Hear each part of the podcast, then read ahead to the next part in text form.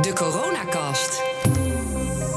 Aan het einde van je werkdag zet BNR het belangrijkste coronanieuws van de dag op een rij, zodat je niet alle liveblogs en actualiteitenprogramma's hoeft te volgen, maar je binnen een paar minuten op de hoogte bent.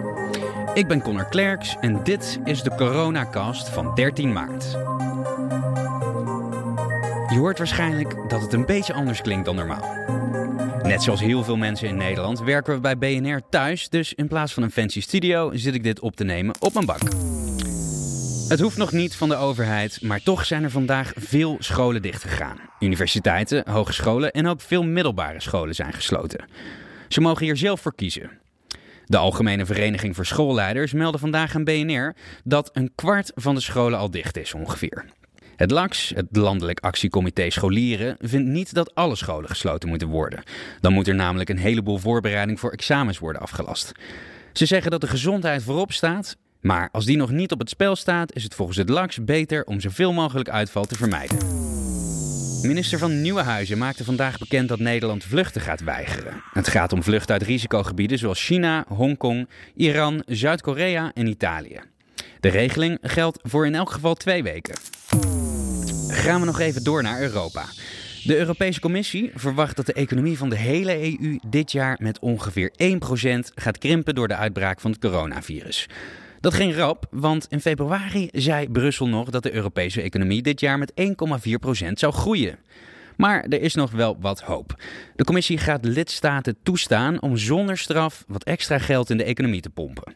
Ze knijpen een oogje dicht in het geval dat lidstaten staatssteun geven of wanneer landen het even minder nauw nemen met de begrotingsregels. EU-commissaris Margrethe Vestager die werkt aan een regeling voor sectoren die in de knel zitten. Het gaat dan bijvoorbeeld om toerisme en horeca, die worden hard getroffen. Net als in Nederland wordt er binnenkort ook op Europees niveau geholpen met uitstel van belasting of sociale premies. Ook gaat de EU 7,5 miljard euro aan ongebruikt subsidiegeld in een investeerfonds stoppen. Verder gaat de EU voor 8 miljard euro aan leningen voor MKB-bedrijven garant staan.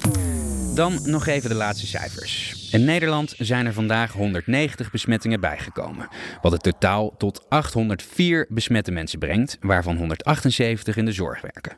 Wel kan dat een beetje een vertekend beeld geven, die mensen worden namelijk vaker getest.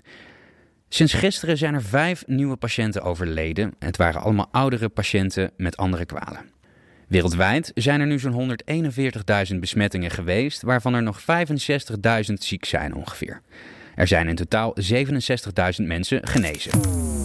Tot slot dan. Ook Kaatsheuvel is niet veilig voor corona. De Efteling die gaat dicht en dat terwijl er net een nieuwe achtbaan wordt getest. Vanaf zaterdag sluit het park, dinsdag de hotels en resorts. Net als op andere plekken in Nederland zijn de evenementen vanaf 100 personen afgelast. Maar gasten die een verblijf voor dit weekend hebben geboekt, die zijn gewoon welkom.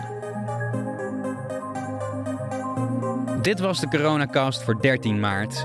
Maandag dan zijn we er weer en in de tussentijd was je handen, niets in je elleboog en geen handjes meer schudden.